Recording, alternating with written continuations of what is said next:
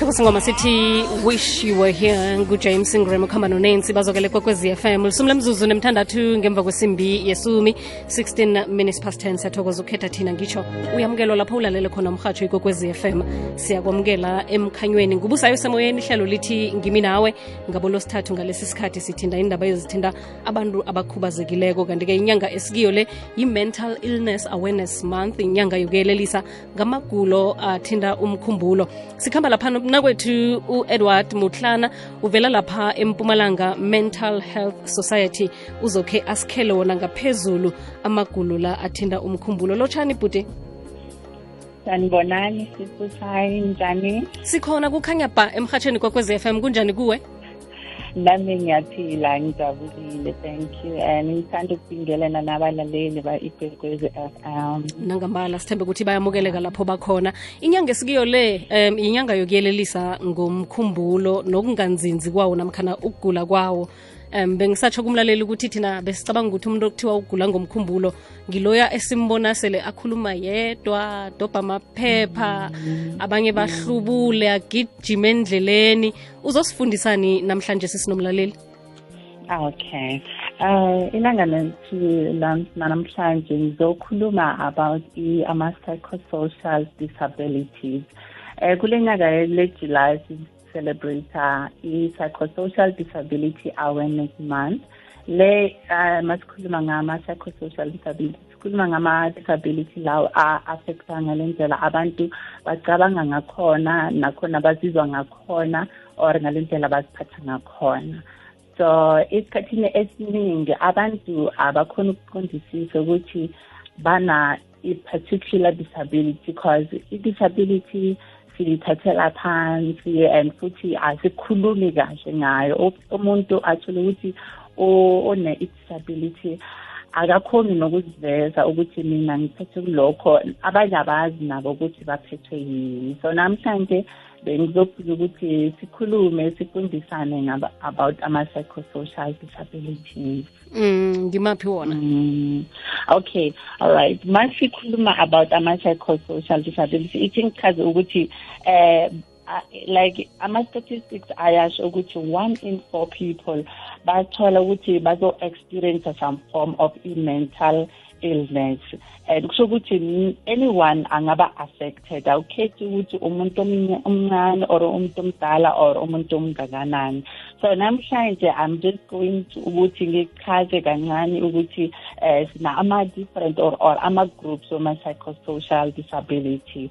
Number one singakhuluma about ama depressive disorders or ama-mood disorders. Lawo athinta le ndlela abantu bazizwa ngakhona. Singakhuluma about ama uh depress depression sikhulume about i-bipolar.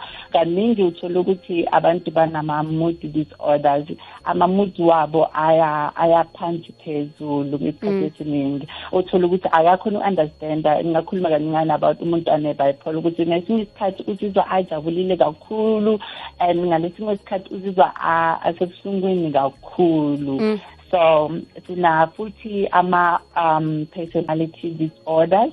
La ma-personality disorders ila abantu abaningi bawathathela phansi or abakhona uku-understand abantu ukuthi lo muntu une-a particular disorder. Singakhuluma mhlambe about i-narcissistic uh, disability or disorder.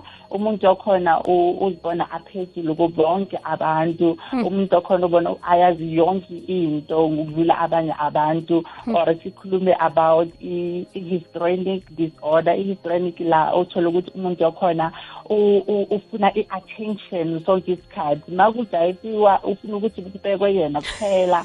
So abantu abaningi aba-understandi ukuthi um mhlambe ikhona i-disability ikhona lapho. Yazi ngihleka njengombana ngicabanga ukuthi woke umuntu unayo. Ngiba ukukubamba kancane nakwethu ukuthi isikhambe siyokuthengisa mlaleli.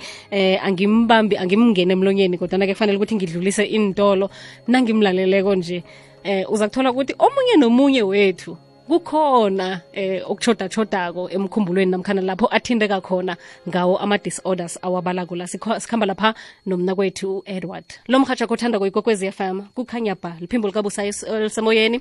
Eh kanti-ke ngalesi sikhathi sikhulumisana lapha no-edward mutlana uqale ubujamo bomkhumbulo usitshela ngento eziningi esingazitshejiko ukuthi kungenzeka umkhumbulo wakho awukanzinzi eh, lapho khunye kanti wena awazi.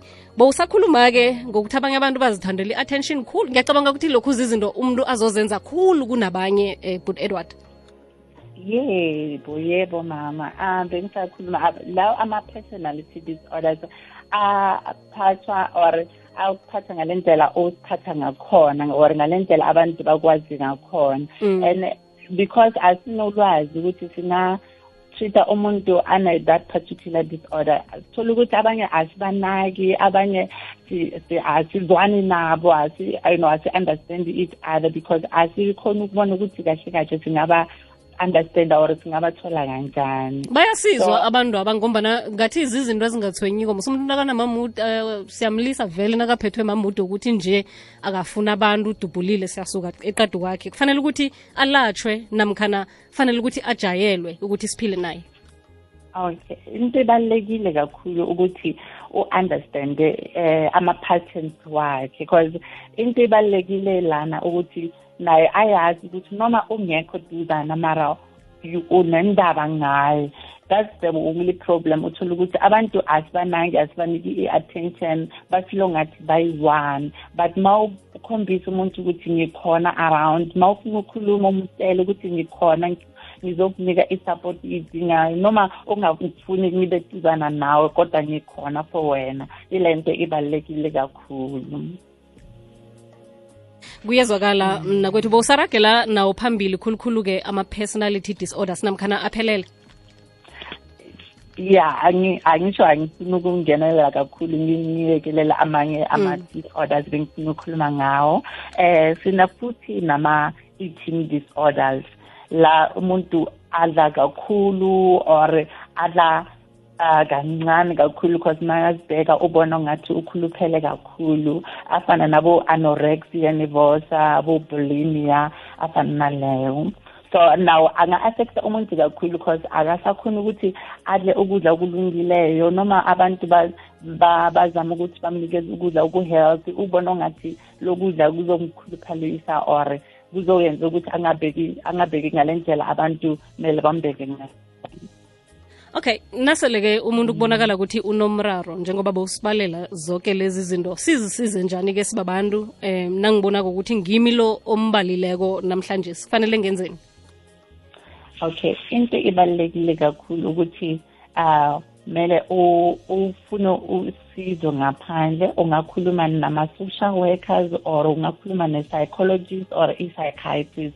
Le bangakhona ukuthi bakusize uthole i-proper diagnosis ukuthi kahle kahle ungaba uphethwe ama-anxiety disorder ama-personality disorder or ama-eating disorder or sleeping disorders. Because isikhathi esiningi thina sifuna ukuthi siguglishe uthi hayi mani nginalama-symptoms kusho ukuthi mhlawumbe ngiphethwe yiloko kanti awukhona ukuthi manje utreat-e i-sickness or i-mental illness le ikuphethe kahle uya-understand mm, mm. so kubalulekile ukuthi sithole abantu basebenza ngomnqondo or ngezinto zomkhumbulo mm. laba ngakhona ukuthi bakhombise ukuthi singazihandlisha kanjani because kunesikhathi esiningi la abantu bayabatshela ezibhedlela ukuthi wena uphethwe i-bipolar and akakhona ukuyi-amukela because aka-understand ukuthi ma bathi ngine-bipolar basho ukuthini lokho nomele ngiziphathe kanjani kumele abantu bangithathe kanjani. So uthula ukuthi isikhathi esiningi uzokutshela athi bathi ngine-bipolar akakhona ukuthi yena avume ukuthi ngine-bipolar and then ngingakhona ukuthi ngiphile i-normal life ngiphethe ile disability masumi amabili nekhombako imzuzu ngemva kwesimbi yesumi lo mhatsha kothanda kuyikwekwezi FM kukhanya ba. Aloke njengoba um mna kwethu edward nanto ihlelo likhuluma ngabantu abakhubazekileko emalangeni. Kanti-ke lokhu konke nje okubalako kungena la ehlelweni labantu abakhubazekileko. Kukukhubazeka na? Lezi zinto kade uzibala. Yes kumele ngichazelana ukuthi ukukhubazeka ngisho kungaba temporary or kungaba long term so kumele sibeke ukuthi mabayenza i-assessment le bengikhuluma ngayo ukuthi i-proper diagnosis ukuthi ma ma is this particular disability ikuphatha isikhathi esingakanani and then i- iku-affecta kanjani empilweni yakho? Because ngisho ngishile ukuthi i-affecta ngale ndlela sicabanga ngayo the way si- siphila ngayo the way sizizwa ngayo. So uma ungathola ukuthi esikhathi esiningi ucabanga about that particular something mhlawumbe ngingakhuluma ngabout i-obsessive compulsive disorder ukuthi umuntu wakhona uhlezi acabanga ukuthi hayi ungathi angishiyanga umnyango wa- ungathi angigezanga izandla. Zi-affecta impilo yakho you know kakhulu because awusakhona ukuthi uyenze umsebenzi or uye esikoleni kahle or uphilisane nabanye abantu kahle or mhlambe even zi-affecta even your health. Uthola ukuthi abanye mhlambe akafuni ukudla next akafuni ukuthi alale. Uyabona ukuthi manje se-i-affecta impilo yakho. Ngendlela emangalisayo. Kuzwakele siyathokoza kwanamhlanje sisibawa inomboro lapho mhlawumbe abantu bangathinda khona-ke eh nange abona ukuthi uhloga isizo ngalokho kade ukhuluma ngakho.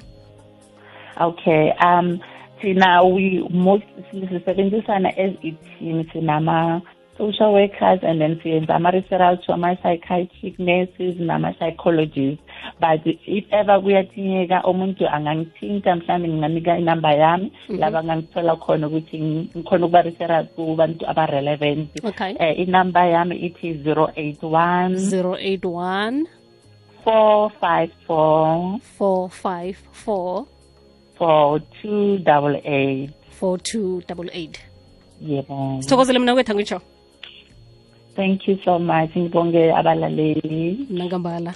Ngu-edward mutlana ovela lapha impumalanga health society. Inomboro yakhe yi-081 45 44 288 nange uzibona ukuthi yazini sekukuthonya kukhulu lokhu ongikho. Usahona nokuphilisana nabantu kuthikameza impilo yakho njenganje asishinge lapha enhlokweni zendaba siyokuyizwa ngonzotho ukuthi ihlangana nezinye ngiziphayo zifunda indaba nakubumbana isimbi yesumi nange half past 10 kukhanya ba